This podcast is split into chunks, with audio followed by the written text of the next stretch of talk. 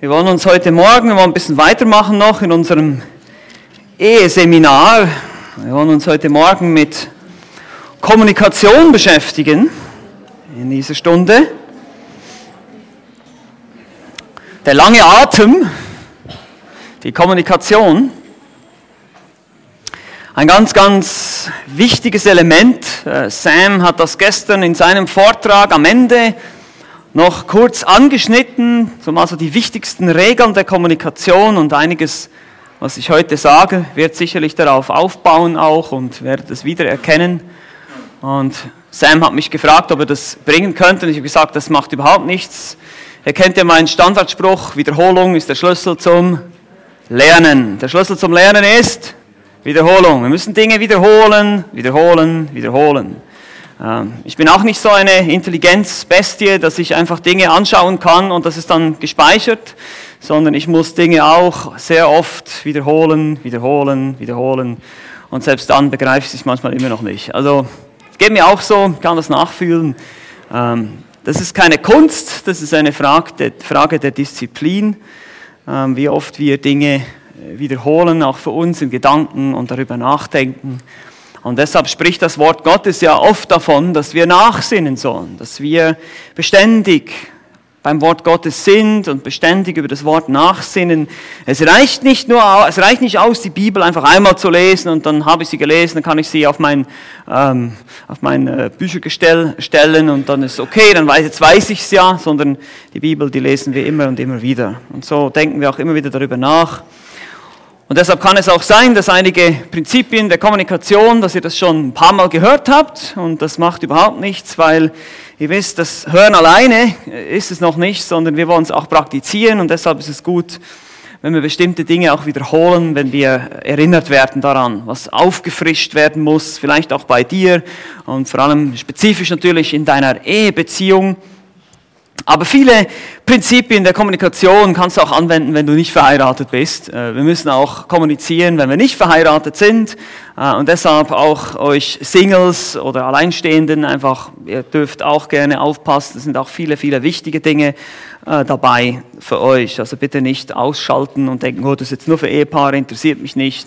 Ähm, genau. Gut. Bevor wir beginnen, lass uns doch mal beten zusammen. Vater im Himmel, wir danken dir jetzt für diese Zeit, für diese wunderbare Zeit heute Morgen. Danke für dein Wort. Danke, dass du uns so viele wunderbare ähm, Wahrheiten gibst in deinem Wort, wie wir lernen können, richtig zu kommunizieren. Äh, sei das als Ehepaare, wo das auch ganz wichtig ist, oder auch generell, dass wir verstehen, wie wir miteinander reden, dass unser Reden einen Einfluss hat, dass wir mit Worten verletzen können, dass wir mit Worten aufbauen können. Herr, bitte hilf uns, unsere Zungen zu beherrschen. Das ist etwas vom Schwierigsten, wie das Jakobus auch deutlich macht. Wie oft verfehlen wir uns auch. Bitte vergib uns und hilf uns, da einfach erinnert zu werden, ermahnt zu werden, wie wichtig eine gesunde Kommunikation ist und was wir noch lernen können und wie viel wir noch lernen müssen. Wir beten dich an, wir danken dir, dass du der Meister der Kommunikation bist. Dein Wort ist klar und deutlich. Du hast keine Schwierigkeiten, dich deutlich und klar auszudrücken. Und so hilf uns äh, zu verstehen, denn wir sind diejenigen, die von unserer Sünde behaftet sind und durch, durch unsere Geschöpflichkeit auch begrenzt, weil wir nur Geschöpfe sind und nicht Schöpfer. Hilf uns und erleuchte uns im Verstand jetzt in dieser Stunde, dass wir besser verstehen, was dein Wille ist für unser Leben. In Jesu Namen beten wir. Amen. Und wie gesagt, ein langer Atem ist das Thema auf dem Flyer. Es geht um die Kommunikation in der Ehe. Wenn wir sprechen, wenn wir reden, dann atmen wir aus und benutzen unsere Stimmbänder, um einen Ton zu produzieren und unsere Zunge und unser Mund formt das zu Worten. Das ist eigentlich eine wunderbare Sache und die haben wir natürlich auch von unserem Herrn bekommen. Unser Herr ist der Erfinder der Sprache und der Information und auch der Kommunikation. Äh, er ist derjenige, der auch kommuniziert mit uns durch sein Wort. Und deshalb, wenn es um die Frage der Kommunikation geht, müssen wir uns erstmal damit beschäftigen, wie kommuniziert denn Gott? Und heute Morgen, wenn wir eben über den langen Atem sprechen, wir sprechen auch im Deutschen von einem langen Atem, wenn wir geduldig sind, gerade wenn es um die Kommunikation geht, auch in der Ehe müssen wir oft sehr geduldig sein miteinander, wir brauchen einen langen Atem. Aber wir wollen uns jetzt erstmal anschauen, wie können wir denn äh, lernen, richtig zu kommunizieren, sei das als Ehepaare oder auch generell, was sagt die Schrift dazu? Und ich habe einfach ein paar einfache Punkte für euch, die ihr euch aufschreiben könnt. Der erste Punkt ist, Gott kommuniziert, also kommunizieren wir. Das heißt, wir, wir nehmen uns den Herrn als Vorbild. Ja, letztlich ist alles, was wir tun wollen, ist, wir wollen Christus ähnlich sein. Und deshalb wollen wir das auch in unserer Kommunikation machen. Wir haben diesen Vers schon öfters gesehen. 1. Mose 2, Vers 18. Und hier geht es jetzt natürlich um die Ehe. Gott, der Herr, sprach, es ist nicht gut, dass der Mensch allein sei. Der Mensch ist ein Gemeinschaftswesen. Er ist geschaffen, um Gemeinschaft zu haben. In Amos 3, Vers 3 heißt es auch, gehen wohl zwei miteinander, außer wenn sie übereingekommen sind. Gemeinschaft basiert auf guter Kommunikation. Man muss miteinander übereinkommen, man muss miteinander reden, auf Deutsch gesagt, und auch aufeinander hören. Sonst kann man nicht eine Gemeinschaft haben, eine Beziehung haben miteinander. Das geht gar nicht. Keine Beziehung kann ohne Kommunikation auskommen. In 1. Korinther 2, Vers 11 heißt es, denn wer von den Menschen weiß, was im Menschen ist, als nur der Geist des Menschen, der in ihm ist. So weiß auch niemand, was in Gott ist, als nur der Geist Gottes. Hier geht es mir vor allem um den ersten Teil. Jetzt wollte ich eigentlich nochmal zurück hier. Entschuldigung. Nochmal zum Vers. Habe ich falsche Taste gedrückt, passiert. Nochmal hier die Verse, dann habt ihr die nochmal. Ich wollte eigentlich diese Taste hier drücken. Mir geht es vor allem diese erste Hälfte hier. Denn wer von den Menschen weiß, was im Menschen ist, als nur der Geist des Menschen. Ich kann nicht sehen, was du denkst. Ich kann keine Gedanken lesen. Ich kann nicht sehen, was in deinem Herzen ist. Ich kann auch nicht sehen, was im Herzen von meinem Ehepartner ist. Nur der Geist von Bea weiß, was in Bea ist. Okay, ich sage das mal so auf meine Ehe bezogen. Und deshalb muss sie mit mir kommunizieren und sich mir offenbaren, damit ich weiß, was sie denkt. Das ist ja ganz logisch. Und deshalb ist Kommunikation so wichtig, dass wir eben eine Beziehung haben. Genauso ist es beim Geist Gottes. Wenn der Geist Gottes nicht kommunizieren würde durch sein Wort, wüssten wir auch nicht, was die Gedanken Gottes sind. Das ist dasselbe Prinzip. Das heißt, Gott hat sich offenbart und wenn wir in der Ehe eine Beziehung haben und gesunde Kommunikation haben wollen, müssen wir uns einander offenbaren im Prinzip.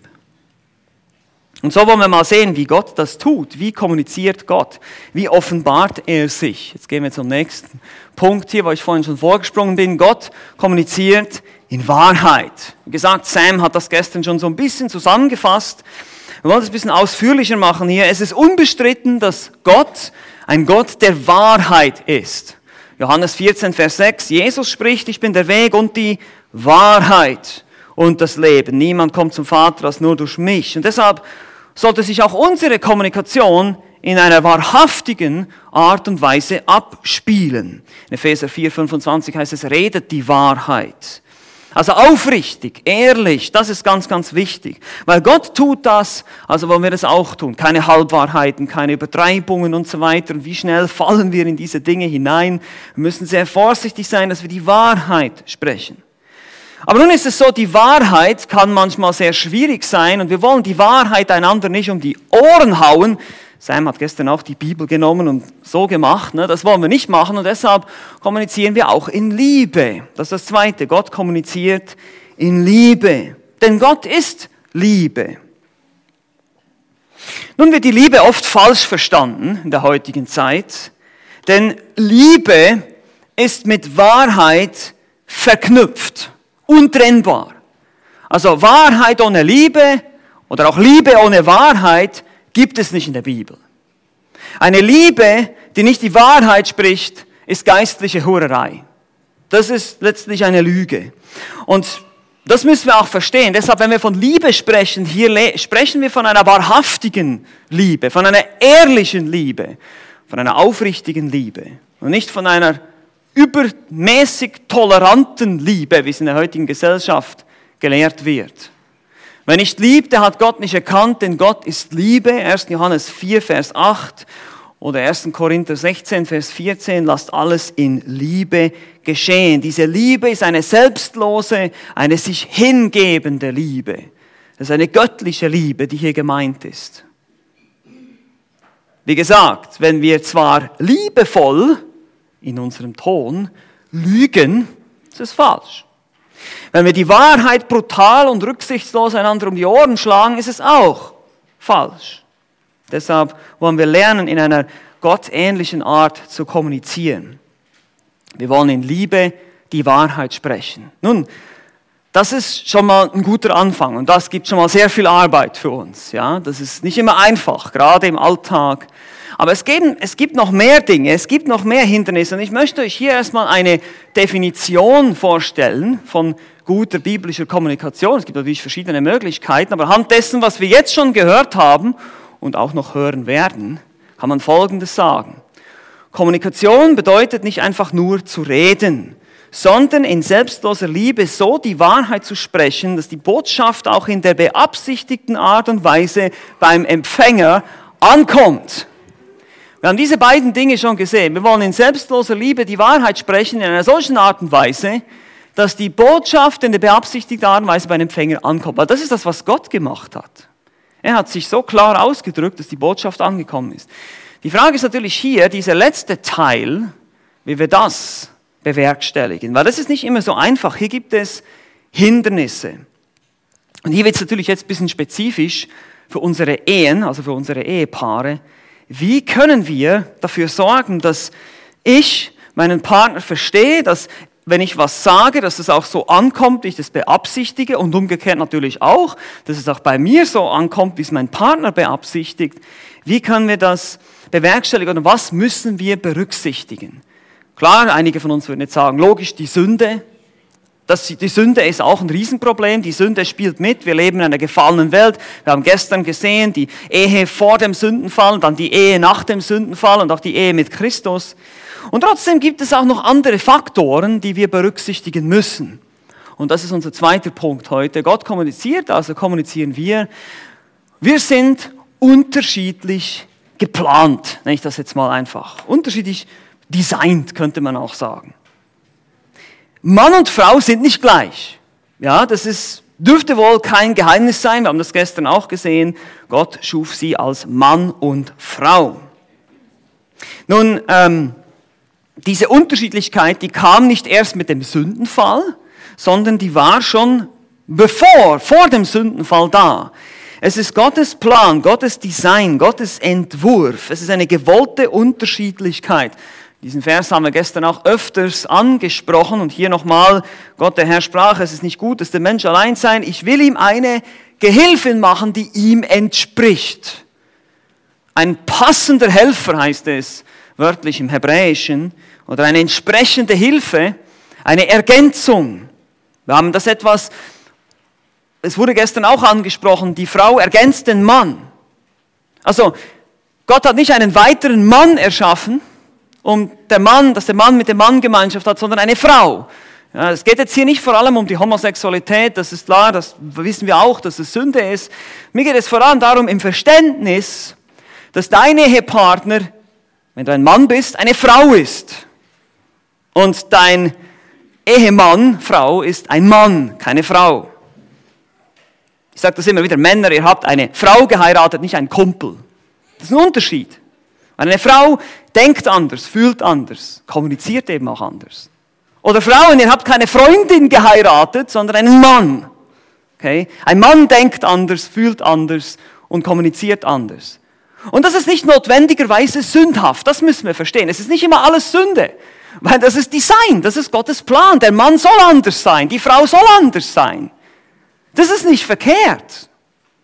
Nur unsere Sünde kommt uns natürlich dann in den Weg, wenn wir uns aufregen über die Andersartigkeit des Partners. Dann gibt es Probleme. Aber wir müssen erstmal verstehen, es ist normal, es ist Gottes Design. Und durch unsere Sündhaftigkeit kann uns das zu Problemen führen. Nun, Also ich, ich gebe euch ein Beispiel. Als ich ähm, als Taxifahrer gearbeitet habe, eine Zeit hier in Berlin, dann habe ich mal öfters meine Frau angerufen und gesagt, äh, eben, ich mache jetzt Feierabend. Und dann habe ich gesagt, ja, ich mache jetzt Feierabend, ich komme bald nach Hause. Ich komme bald nach Hause. Und für meine Frau heißt das in 20 bis 30 Minuten. Ja, macht schon das Essen parat und so bereit. Und für mich heißt das, ich bin jetzt im Flughafen Tegel, ich habe meinen letzten Kunden abgeladen. Ich muss jetzt noch durch den Feierabendverkehr zwei Stunden durch die Stadt fahren, nach Friedrichshain. Da muss ich meine Taxe abstellen, da muss ich abrechnen, muss kurz mit dem Chef plaudern, den Schlüssel dem Nachtfahrer übergeben in mein Privatfahrzeug und dann noch eine halbe Stunde oder dreiviertel Stunde wieder durch den Feierabendverkehr nach Hause fahren. Drei Stunden später komme ich zu Hause an. Meine Frau steht ganz aufgeregt vor der Tür. Du hast gesagt, du kommst bald nach Hause. Und ich so, ja, ich bin doch, ich habe doch Feierabend gemacht. Ja, also ihr seht, wie bald ist Definitionssache. Ja. Man muss miteinander kommunizieren. Ja, was heißt denn bald für dich? Was heißt das genau? Ich habe einfach angenommen, meine Frau halt auch, und so kommt es zu Missverständnissen. Wie gesagt, Männer und Frauen sind unterschiedlich. Das Problem war nicht, dass Bea das anders verstanden hat, sondern dass ich das nicht so kommuniziert habe, dass es bei ihr eben angekommen ist, so wie ich das beabsichtigt habe. Hey, ich hätte sagen können, du, das wird wahrscheinlich noch drei Stunden dauern. Ich mache jetzt Feierabend, aber das wird wahrscheinlich drei Stunden dauern, weil die Berlin ist dicht. Ich komme nicht durch. Es ist nachmittags um drei, es ist Freitagnachmittag äh, und so weiter und so fort. Was sind denn so die Unterschiede? Und das ist jetzt nur so generell. Äh, ich weiß es natürlich nicht für jedes Ehepaar, das hundertprozentig zutrifft, aber das sind so generelle Werte. Zum Beispiel persönlich oder unpersönlich. Ja? Geben wir ein weiteres Beispiel, wenn, wenn, wenn Bea und ich, wenn wir Besuch haben von einem Ehepaar, dann kommt es öfters mal dazu, dass sich dann ein Frau-Frau und ein Mann-Mann-Gespräch entwickelt. Und die Frauen, die sprechen am meisten über Dinge, die sie persönlich betreffen, die Gefühle betreffen, die soziale Ebene, Schwangerschaften, Babys und so weiter. Was uns Männer total interessiert, nein, natürlich nicht. Wir Männer, wir reden dann eher über abstrakte Sachen, über unpersönliche Dinge, Sport, Politik, technische Geräte, ja, so. Und das ist, das ist ein Stück weit nicht, das ist nicht Sünde, das ist Design, das ist okay. Wir müssen verstehen, dass das nicht sündhaft ist, dass Männer eher abstrakt denken und, und Frauen eher auf der persönlichen Ebene. Genauso dasselbe gilt für objektiv oder subjektiv. Der Mann ist in der Regel, wie gesagt, es gibt immer Ausnahmen, aber der Mann ist in der Regel eher auf kurze, prägnante Fakten aus. Und die Frau auf das Subjektive, Intuitive. Wenn es irgendwelche Nachrichten gibt, dann will der Mann die Fakten. Gib mir die Fakten, ich will wissen, was passiert. Die Frau, die gibt sich damit nicht zufrieden, die will wissen, wie ich mich dabei gefühlt habe, als ich das gehört habe. Oder sie will dann auch noch wissen, dass ich wissen will, wie sie sich gefühlt hat, als ich ihr gesagt habe, wie ich mich gefühlt habe. Das ist, es kann uns Männern richtig Probleme bereiten und Frauen, ihr müsst da richtig Geduld haben, weil wir sind einfach nicht so verdrahtet wie ihr Frauen. Wir können das nicht. Und das muss nicht immer so extrem sein, aber das sind einfach so Dinge, die per Design unterschiedlich sind. Ein anderes klassisches Beispiel, Bea und ich gucken uns einen spannenden Film an. Actionfilm vielleicht, irgendwas, ja. Ich interessiere mich für die Fakten, für die Intrigen, wenn es wirklich eine Story hat, ja. Manchmal hat es ja wirklich keine. Ähm, und meine Frau, die ist da mit, ja, und die Musik wird spannend und, oh nein, sag mir, wann ich wieder gucken kann und so. Sie lebt richtig in dem Film. Und ich denke, was ist denn los mit dir? Das ist nur ein Film. Also wir Männer sind einfach anders, wir denken anders. Also persönlich, unpersönlich, objektiv, subjektiv. Generell oder detailliert generell oder detailliert, ist auch oft der Fall, haben wir auch schon erlebt. Männer sind meistens die Schlagzeilen, die Frauen das Kleingedruckte. Ja? Nehmen wir jetzt mal an, eine Familie kriegt ein Kind. Ja, dann fragt mich meine Frau, okay, was, was ist passiert? Ja, Familie hat ein Kind gekriegt, okay. Und so ein Gespräch könnte sich dann folgendermaßen abwickeln zwischen Mann und Frau. Die Frau fragt dann viel mehr, sie will mehr wissen, mehr Details. Was ist sein Name? Und ich als Mann denke, ist doch klar, der der Eltern. Wie ist das Gewicht, Größe? Naja, klein, es ist halt ein Baby. Wie lange waren die Wehen? Hm, lange genug, denke ich. Vorwehen? Was ist das denn schon wieder? äh, detailliert, ja, viel mehr Details. und der Mann hat eher so ein bisschen generell, reicht mir aus, Schlagzeilen. Ja. Wie gesagt, ist nicht bei jedem so ausgeprägt, das sind nur Beispiele.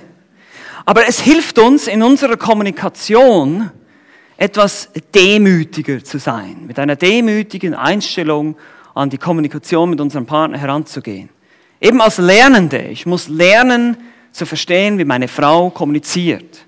Umgekehrt natürlich auch. Ihr Frauen müsst auch lernen, dass eure Männer eben keine Freundinnen sind, sondern die sind Männer, die kommunizieren anders, die verstehen Dinge anders.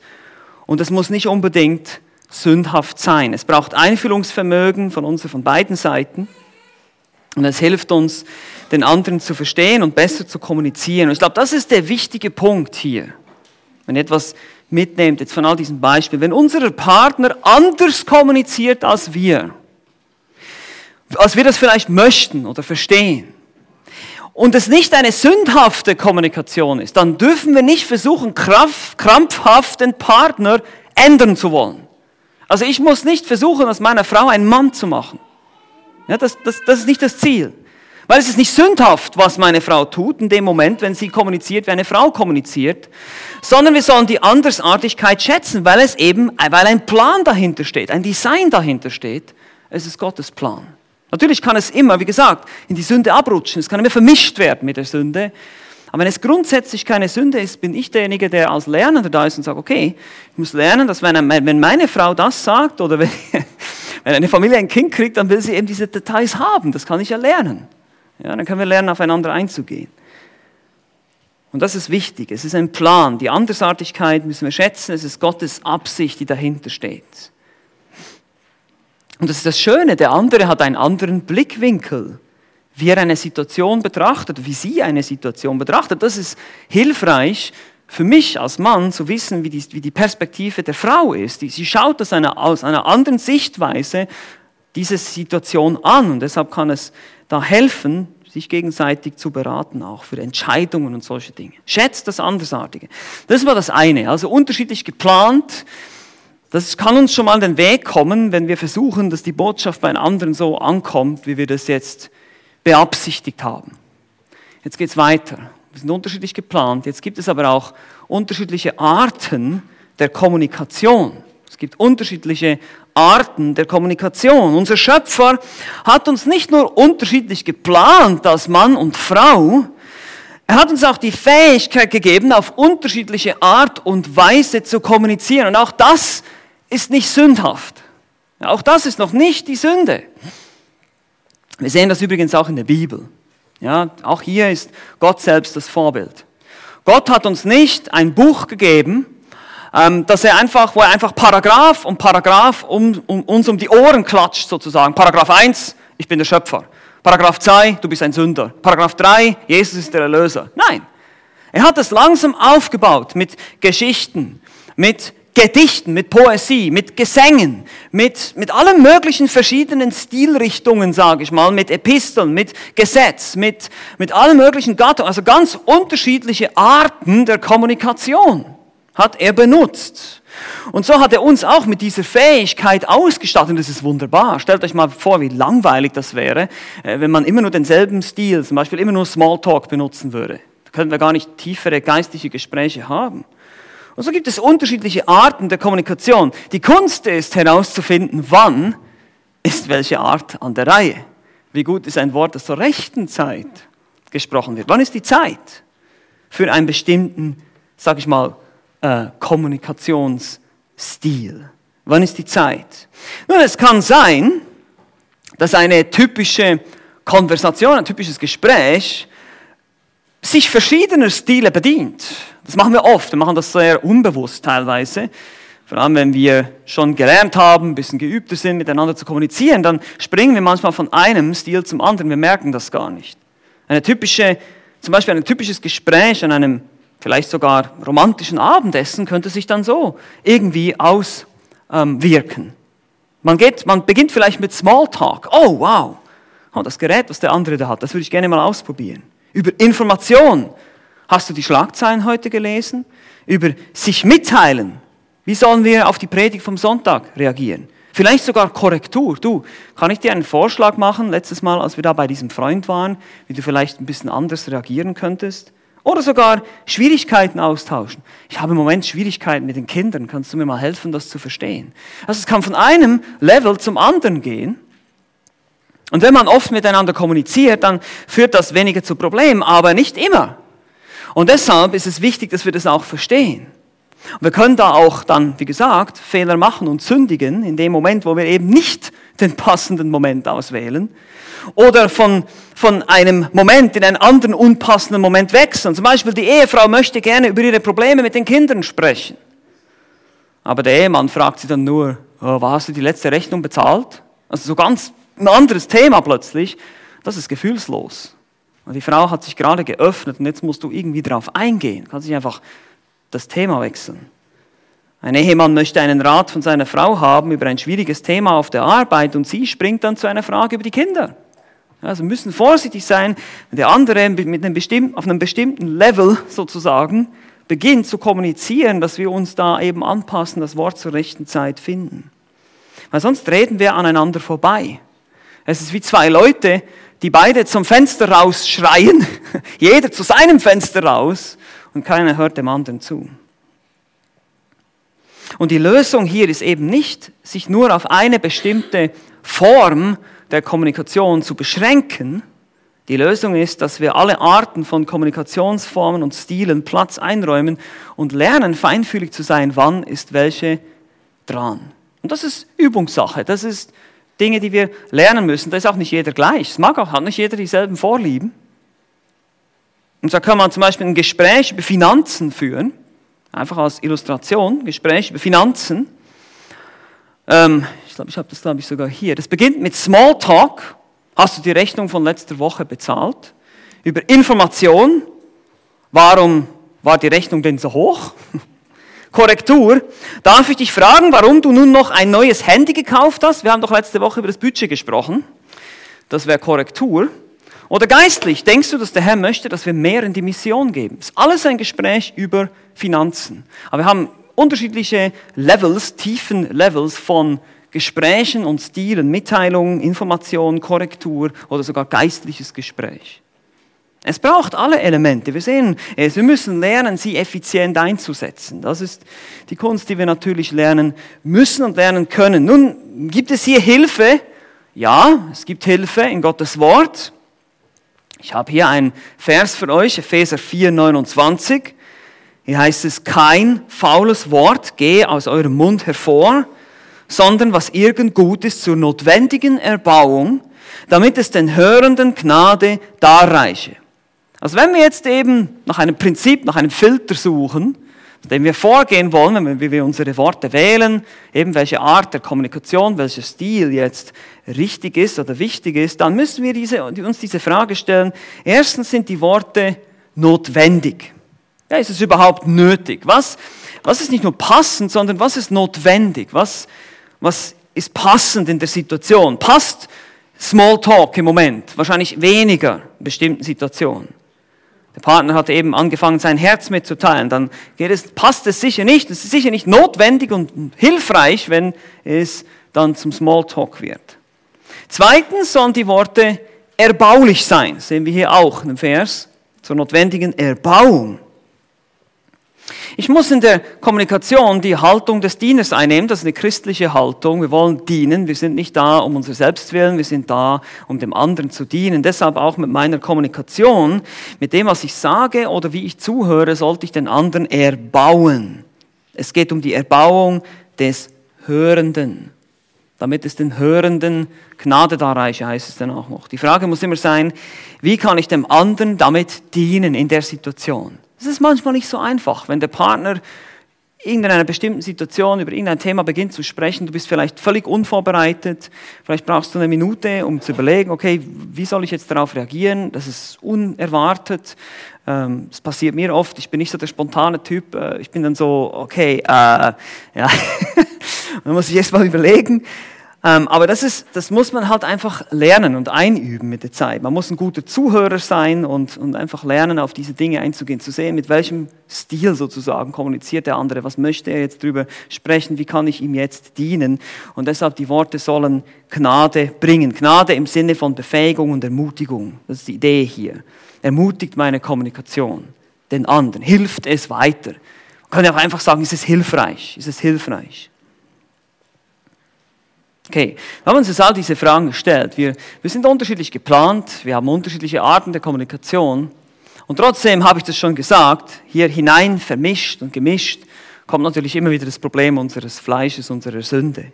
Und deshalb ist es natürlich auch noch ein wichtiger Punkt, den wir nicht vergessen dürfen, wenn wir über Kommunikation sprechen. Das sind die Kommunikationssünden, nenne ich sie jetzt einfach mal.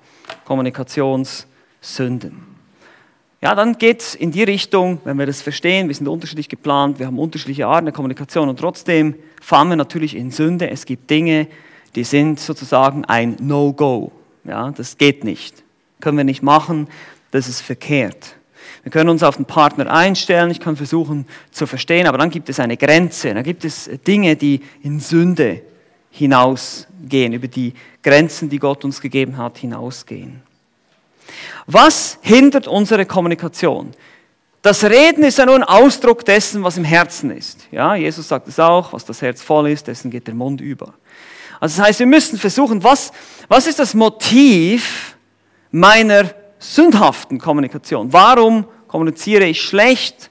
Oder warum versteht mich mein Partner nicht? Das ist dann nicht immer so im Sinne von, ja, du verstehst mich nicht. Ja, dann schiebst du die Schuld auf den Partner. Du verstehst mich nicht du hörst mir nicht zu, oder noch schlimmer, du hörst mir nie zu, ja, diese Übertreibungen, das ist gefährlich, weil das stimmt sowieso gar nicht.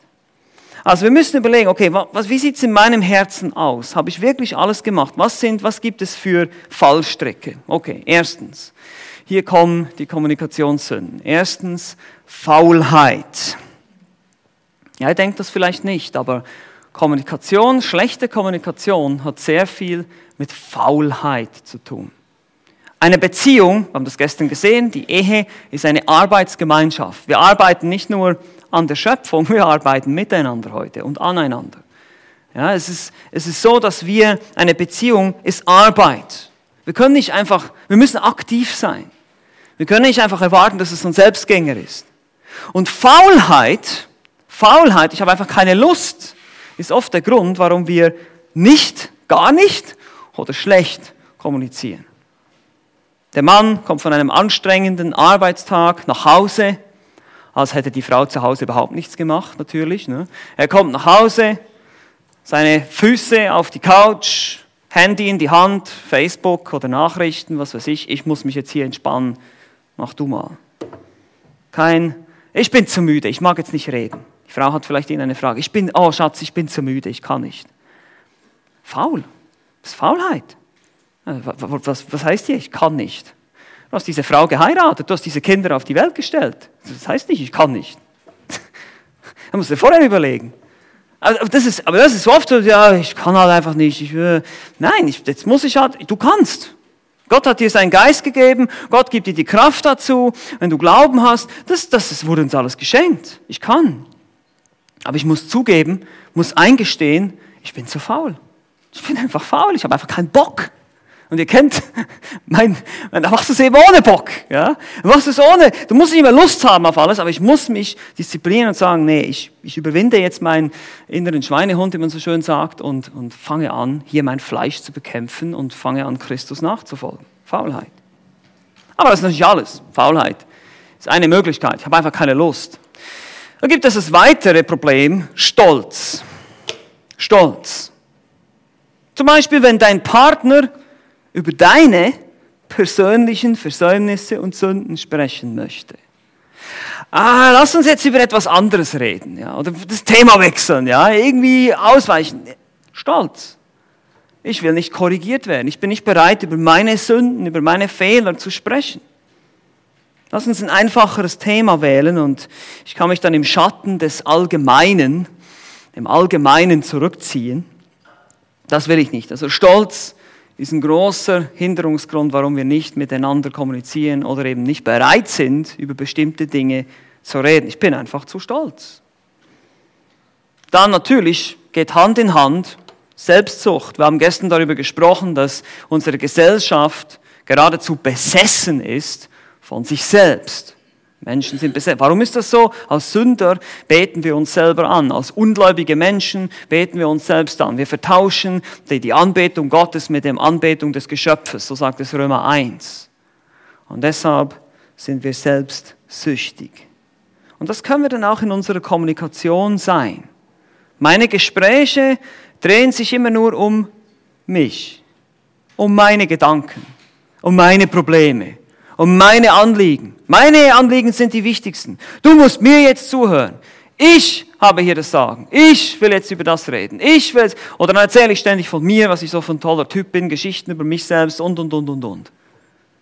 Bin mit mir selbst, bin auf mich selbst ausgerichtet. Und das wird natürlich unmöglich zu einer fruchtbaren Kommunikation führen, höchstens zu einer furchtbaren Kommunikation. Also nicht zu einer fruchtbaren, sondern zu einer furchtbaren fruchtbaren Kommunikation. Wenn ich auf mich selbst selbstsüchtig bin. Und hier sind Dinge, über die wir sicher alle immer wieder stolpern und Buße tun müssen. Wie oft war ich selbstsüchtig in etwas, was ich zu meiner Frau gesagt habe. Eigentlich hatte ich schon ganz andere Absichten im Kopf. Ja, da muss ich dann Buße tun und sagen, das war, das war nicht richtig. Das war falsch. Denn Liebe sucht nicht das ihre. Wir haben gelernt, wir sollen die Wahrheit in Liebe. Wir sollen in Liebe kommunizieren. 1. Korinther 13, 5. Die Liebe sucht nicht das ihre. Es geht nicht um mich. Ich diene dem anderen mit meinem Reden, mit meiner Kommunikation. Viertens, natürlich, Ärger. Ärger. Das kann ganz unterschiedliche Formen und Farben annehmen, von Geschrei bis zu inneren, bitteren Groll. Es gibt die Leute, die voll den Ärger rauslassen. Dann gibt es andere, die, die fressen das so in sich hinein, sagt man im Volksmund. Oder exhumieren, man gräbt Dinge aus und immer wieder, man wirft sich immer wieder Dinge vor, immer wieder dieselben Dinge. Oder eben, das dann meistens auch mit Schimpfen, mit Grobheit äh, oder auch mit Übertreibungen geht das einher. Und hierzu dieser Vers, hier alle Bitterkeit und Wut und Zorn und Geschrei, also alle möglichen Formen und Lästerung sei von euch weggetan samt aller Bosheit. Wir sollen es ersetzen. Wir haben das gestern gelernt, das Austauschprinzip. Seid aber zueinander gütig, mitleidig, einander vergeben, wie auch Gott in Christus euch vergeben hat. Und dieser letzte Punkt hier ist ganz wichtig. Wie auch Gott in Christus euch vergeben. Wie, warum kann ich das? Warum kann ich, warum kann ich meiner Frau vergeben oder meine Frau kann mir vergeben, weil ich weiß, Christus hat uns vergeben. Und er muss noch viel mehr vergeben, als wir einander je vergeben müssen. Ich kann nie so stark gegen meine Frau sündigen oder gegen sonst jemanden, äh, oder besser gesagt, es kann niemand so stark gegen mich sündigen, wie ich gegen Gott gesündigt habe. Das, darüber muss ich nachdenken. Die Sünde von anderen gegen mich ist niemals so stark wie die Sünde von mir gegen Gott. Weil Gott ist heilig. Ich habe es verdient bestraft zu werden. Ich habe nichts Gutes verdient, aber Gott ist heilig. Gott wird Sünde richten, wenn ich nicht den Herrn kenne. Und so gibt es weitere Dinge hier. Ärger, man lässt den Ärger raus, man ist bitter. Weitere, äh, eher so Gewohnheiten ist Unterbrechen. Ja, hier haben wir zum Beispiel Sprüche 18, Vers 13. Wer Antwort gibt, bevor er anhört, dem ist es Narrheit und Schande. Kennt ihr das? Dass ihr vielleicht den Satz des anderen beendet. Und, ja, ja, ich weiß schon, ich weiß schon, was du sagen willst. Ja, ich, ich weiß schon, um was es geht. Ja, lass, mich, lass mich gar nicht, ich will es gar nicht mehr hören. Ja, so diese Haltung haben. Man fällt einander ständig ins Wort, man redet rein. Das wird nicht zu einer guten Kommunikation führen. Deshalb langer Atem, Geduld. Ja, lass den anderen ausreden. Das kann manchmal dauern. Ja, das kann manchmal dauern. Aber es ist trotzdem wichtig, dass ich nicht ins Wort falle und ungeduldig wäre, weil dann bin es wieder ich das Problem. Dann bin ich ungeduldig, dann bin ich, kann ich nicht warten. Ich muss ein aufmerksamer Zuhörer sein. Und das ist das Weitere, das Nächste, was oft geschieht, äh, Unaufmerksamkeit. Das ist oft ein Männerproblem. Ja. Äh, ich nenne es den männlichen Nebel. Man ist irgendwie so im Niemandsland mit seinen Gedanken. Dann gibt es diese Situation, die Frau, die redet und redet und redet und redet und redet und redet. Und dann so nach fünf bis sechs Minuten, so, hast du verstanden? Und der Mann, hä? Einfach nicht da. War zwar körperlich da, aber vielleicht gibt es auch Frauen, die das machen können. Ich weiß es nicht. Wir Männer haben so eine besondere Gabe, diese Nothing Box, diese Nichts-Box, diese Nichtskiste. Wir können einfach nichts denken. Ja? Und wir lernen sogar zu nicken. Ja, na, eigentlich bin ich nicht da. Ich sage ja. ja. Und äh, also ich kann das. Ähm, und ich musste das lernen, zu sagen, nein, ich konzentriere mich jetzt. Ähm, natürlich, man gibt dann auch Männer, die sich mit dem Handy ablenken, die das Handy auf dem Tisch haben, ständig aufs Handy gucken oder irgendwas anderes. Einfach diese Unaufmerksamkeit, ähm, das ist schlechte Kommunikation, das ist eine Kommunikationssünde, weil damit zeige ich dem anderen was. Du bist mir nicht wichtig. Ich denke über andere Dinge nach, die mir wichtig sind. Ich, du bist, ich interessiere mich nicht für dich. Das ist das, was ich damit kommuniziere. Ich kommuniziere, ich interessiere mich nicht für dich, weil ich höre dir nicht zu. Ich will gar nicht hören, was du zu sagen hast. Und deshalb ist es nicht gut. Oder ich habe sogar die Antwort mir schon parat gelegt und warte nur darauf, dass ich sagen kann, was ich sagen will. Deshalb auch hier ein Vers, der Tor hat kein Gefallen an Verständnis, sondern nur daran, dass sein Herz sich offenbare. Ich will sagen, was ich zu sagen habe. Ich will überhaupt nichts lernen. Ich will nicht Verständnis lernen. Und das ist dann auch oft der Grund für Unaufmerksamkeit. Weitere sind hier, weitere. Wir gehen jetzt weiter auf Nummer sieben. Motive richten. Hier ein wichtiger Punkt, gerade bei Ehepaaren auch oft. Nimm nicht an, frage nach. Nimm nicht an.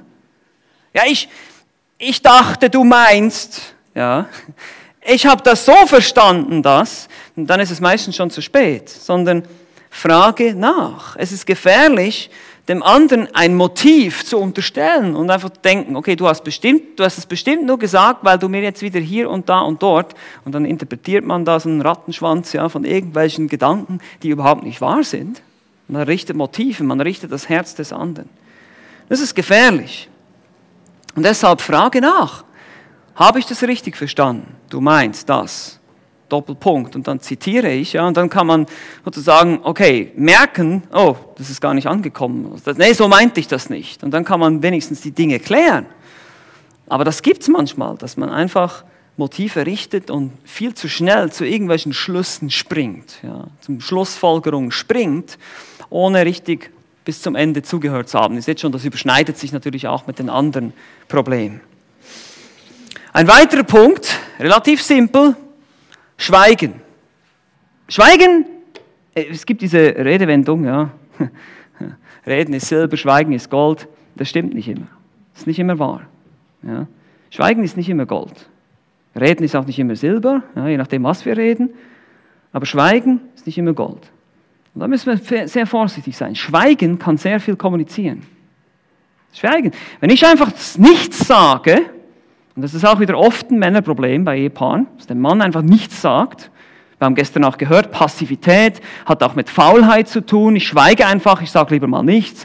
Ich will hier keinen Krieg anfangen, weil ich Harmonie bewahren will. Dem Frieden zuliebe sage ich vielleicht nichts. Also das sind dann die Motive, die, die falschen Motive, die mir abgehen. Oder man hat dann diese Ausrede, ja, ich bin halt eine schweigsame Person, reden ist nicht so mein Ding. Naja gut, dann muss ich dich fragen, wie, wie sind wir natürlicherweise? Sünder. Wir müssen uns ändern. Das ist das Ziel. Gott will, dass wir uns ändern. Und deshalb, wenn ich, wenn ich vielleicht eine schweigsame Person bin, das mag gut sein, aber ich muss trotzdem lernen zu kommunizieren mit meinem Ehepartner. Kann ich einfach da sitzen und nichts sagen. Das geht nicht. Und dann sündige ich in dem Moment meine Frau mit mir reden will, meine Frau möchte, dass ich mich äh, für sie interessiere und mit ihrem Problem, ihren Anteil habe an ihrem Problem zum Beispiel, kann ich nicht einfach da sitzen und schweigen. Das geht nicht. Ich habe die Verantwortung, haben wir das gestern gehört, auch als Männer ganz besonders, haben wir die Verantwortung zu leiten zu Hause. Und das können wir nicht tun, wenn wir nie unseren Mund aufmachen. Das geht nicht. Wir haben gesehen am Anfang, dass Gott auch kommuniziert, also haben wir die Verantwortung, das auch zu tun. Eben, ich muss mich dem anderen offenbaren. Ich muss dem anderen sagen, was meine Gedanken sind, sonst kann er die gar nicht wissen. Er kann mich gar nicht kennenlernen. Wir können gar keine Beziehung haben letztlich. Das Schweigen im Walde ist das Ende der Beziehung. Beide leben nur noch so ihr Leben und oft ist es dann auch ein, ein Zusammenbrechen der Kommunikation, wenn in der Ehe sich zwei Partner auseinanderleben, wird eben auch nicht mehr miteinander geredet, sondern man hat dann wie so eine WG miteinander. Man redet nicht mehr miteinander, vielleicht über irgendwelche oberflächlichen Dinge, über organisatorisches Zeug, aber nicht mehr über das Herz, über das, was einen beschäftigt. Und deshalb haben wir die Verantwortung, das zu tun. Und deshalb ist es Sünde, einfach auch zu schweigen und nichts zu sagen. Und dann haben wir noch das Pauschalisieren. Einfach, das geht, damit geht auch an, äh, gehen auch andere Dinge einher, zum Beispiel übertreiben, übertreiben, pauschale Aussagen machen. Du hörst nie zu. Ich kann machen, was ich will. Du bist nie zufrieden. Und diese Aussagen sind erstens lieblos, zweitens nicht wahr. Ja, es, ist, es sind Lügen. Ich meine, dein, das kann nicht sein, dass dein Partner immer oder nie zuhört. Das stimmt einfach nicht. Vielleicht selten oder nicht so oft oder nicht so oft, wie ich mir das wünsche, aber nicht nie. Und wir müssen sehr, sehr vorsichtig sein und ich ertappe mich oft auch dabei, bin ich genauso schuldig, mit dem Wort immer oder nie sehr, sehr vorsichtig und sehr sparsam umgehen. Oh, du machst das immer! Wie schnell rutscht uns das raus? Wie schnell geht das? Ja? Und wir merken, au, Backe, stimmt ja nicht. Das macht es nicht immer. Oder ich mache das immer. Oder du machst das nie. Diese Aussagen sind Lügen, sie sind nicht wahr, sie sind ungesund, es ist keine gute Kommunikation. Auch hier müssen wir daran erinnert werden, dass wir in der Wahrheit kommunizieren wollen. Wir wollen darin bleiben, was wahr ist. Und da muss ich mir die Frage stellen, ist das jetzt wahr? Wenn ich jetzt denke, meine Frau macht nie Punkt, Punkt, Punkt, was auch immer. Und da muss ich ehrlich zugeben, nein, es ist nicht wahr. Kommunikation der Wahrheit. Hier auch nochmal ein Vers dazu. Deshalb, da ihr die Lüge abgelegt habt, redet die Wahrheit. Epheser 4, 25. Ein anderer ganz berühmte Kommunikationssünde ist auch das Beschuldigen. Nummer 10, das Beschuldigen. Es ist immer einfacher, den Fehler beim anderen zu finden. Ja? Ist einfach. Und nicht bei mir selbst. Also mal den Spiegel gucken und sagen, okay, wo, es ist mein Problem. Selbst wenn der andere sündigt, muss ich mir auch die Frage stellen, was habe ich dazu beigetragen? Wie habe ich den anderen vielleicht in Versuchung gebracht? Was, welche Pflichten habe ich vernachlässigt, dass meine Frau jetzt so reagiert? Wenn meine Frau die Leitung übernimmt zu Hause, dann bin ich schuld, weil ich habe die Leitung wahrscheinlich nicht übernommen oder vernachlässigt. Also ich muss immer den Fehler bei mir suchen und nicht beim anderen, weil es ist viel einfacher, die den, mit dem Zeigefinger auf den Fehler des anderen zu zeigen und sagen, du hast Schuld, weil du bist, du hast das gemacht. Und das ist der älteste Trick, um guter Kommunikation und somit auch der Lösung des Problems aus dem Weg zu gehen. Was sagte Adam zu Gott? Was sagte Adam zu Gott? die Frau, die du mir gegeben hast. Mir beigegeben, das stimmt, glaube ich, nicht ganz hier. Die du mir gegeben hast. Das ist beigegeben, das ist eine andere Übersetzung. Sie gab mir von dem Baum und ich aß. Also im Prinzip gibt er nicht nur der Frau die Schuld, sondern wem? Gott. Gott, du hast diese Frau geschaffen. Genauso kann ich auch sein, meine Ehe. Gott, warum hast du mir diese Frau gegeben? Ja. Die Schuld auf einen anderen schieben. Ich habe doch kein Problem. Das Problem liegt nur bei meiner Frau. Es ist oft so, auch in, in, in, der Seelsorge, dass es dann immer heißt, ja, wenn der Mann sich ändern würde, wenn er endlich mal tun würde, dann gäbe es keine Probleme in unserer Ehe. Das ist eine glatte Lüge. Weil deine Reaktion auf seine Sünde ist genauso das Problem. Genauso das Problem. Wir sind nicht Opfer unserer Umstände. Wir können nicht einfach die Schuld auf andere schieben, die Verantwortung von uns weisen und sagen, naja, das halt meine Frau, die regt mich halt immer auf. Nein, das ist mein Problem. Und das ist so typisch auch für heute. So typisch. Sind alle anderen sind schuld, nur ich nicht. Alle anderen machen alles falsch, nur ich nicht. Und das sind doch all diese gemeinen Leute, die mich schlecht behandelt haben in meiner Kindheit oder was weiß ich nicht alles, ist schuld, nur ich nicht. Und das ist eine Lüge und die müssen wir ablegen. Wir müssen aufhören, andere zu beschuldigen und wir müssen anfangen, wir müssen damit beginnen, Verantwortung für unsere eigene Sünde zu übernehmen. Wir müssen damit beginnen, meine Sünde ganz klar als Sünde zu bezeichnen erstmal, haben wir gestern auch gehört. Wir müssen lernen, die Dinge beim Namen zu nennen. Ja, ich habe gesündigt, ich habe das und das gemacht, ich war ärgerlich und zornig und das ist nicht gut, das ist falsch, bitte vergib mir. Das ist Bekenntnis, klar und deutlich. Ich nenne die Sünde beim Namen und nicht einfach so, naja, ich habe mich halt ein bisschen aufgeregt, aber du hast auch. Nein, nein. Ja, klar hat sie vielleicht auch, aber ich, ich schaue auf mich, ich bin selbst, ich habe genug mit meiner eigenen Sünde zu kämpfen und wir können einander so helfen. Weil Liebe, wir sollen Liebe miteinander kommunizieren. Liebe bedeutet eben auch Demut. Demut fängt da an, wo ich bereit bin, meine Fehler, meine Sünden einzugestehen. Zu sagen, ja, das war falsch. Ja, ich, ich habe das falsch gemacht, das war nicht richtig. Das ist eine Sünde, und dann um Vergebung zu beten und auch zusammen zu beten, den Herrn natürlich um Vergebung zu beten und einfach den biblischen Weg der Konfliktlösung dann zu beschreiten. Aber auch hier, ihr seht schon, es braucht viel Kommunikation, viel gute Kommunikation, um auch Konflikte in euren Ehen zu lösen. Also lasst uns das jetzt nochmal zusammenfassen und dann können wir sogar schon zehn Minuten früher Schluss machen, können wir ein bisschen länger Pause haben, um noch ein bisschen miteinander zu kommunizieren in der Pause. Kommunikation ist von Gott gegeben, daher nehmen wir ihn als Vorbild. Wir kommunizieren in Liebe und Wahrheit.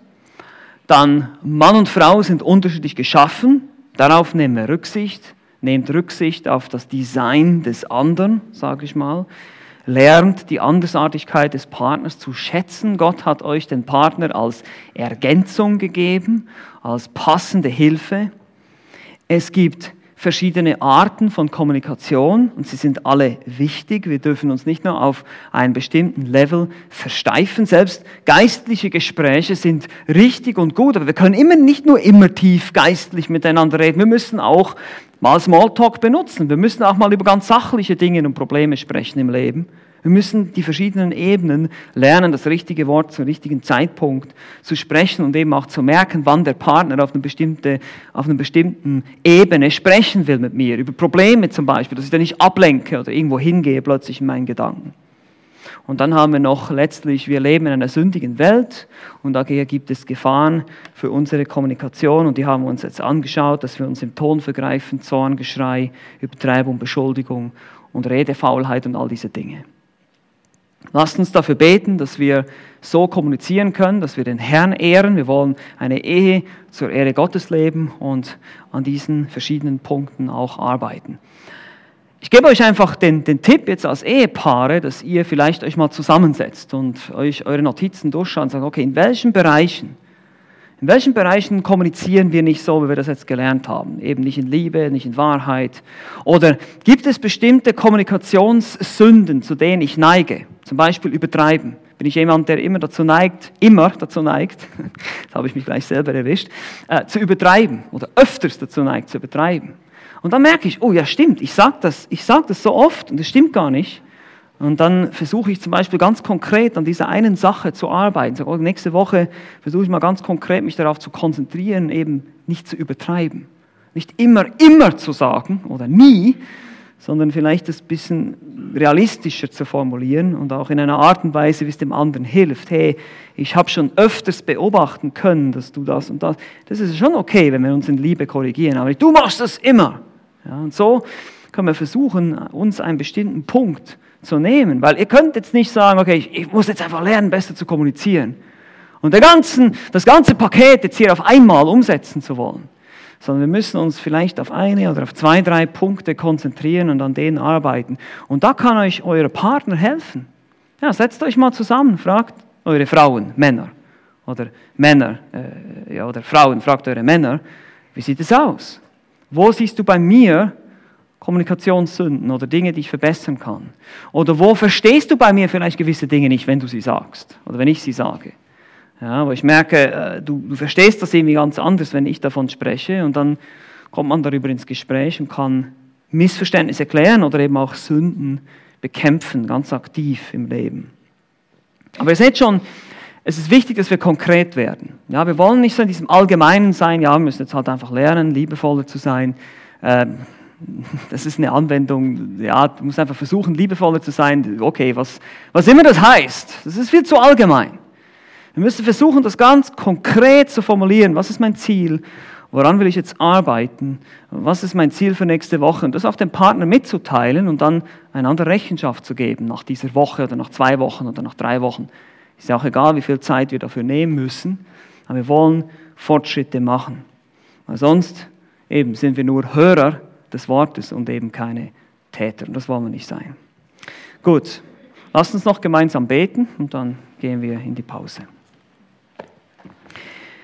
Vater im Himmel, ich danke dir, dass du uns in deinem Wort Prinzipien gegeben hast, wie wir miteinander lernen können, auch als Ehepaare zu kommunizieren, in einer Art und Weise, wie es dich ehrt, äh, wie es dir Ehre bringt. Und wir sehen diese vielen Dinge, die vielen Gefahren, die Sünden, die es gibt, in die wir äh, mit unserem Sprechen, Reden oder Unaufmerksamkeit oder was auch immer äh, fallen können. Bitte hilf uns, ganz konkret uns zu prüfen, da wo wir ähm, fehlen, wo wir oft falsch kommunizieren oder nicht richtig zuhören, dass wir das üben und einüben und miteinander, äh, vor allem auch als Ehepaare, das zusammen äh, einander ermutigen können, das zu tun.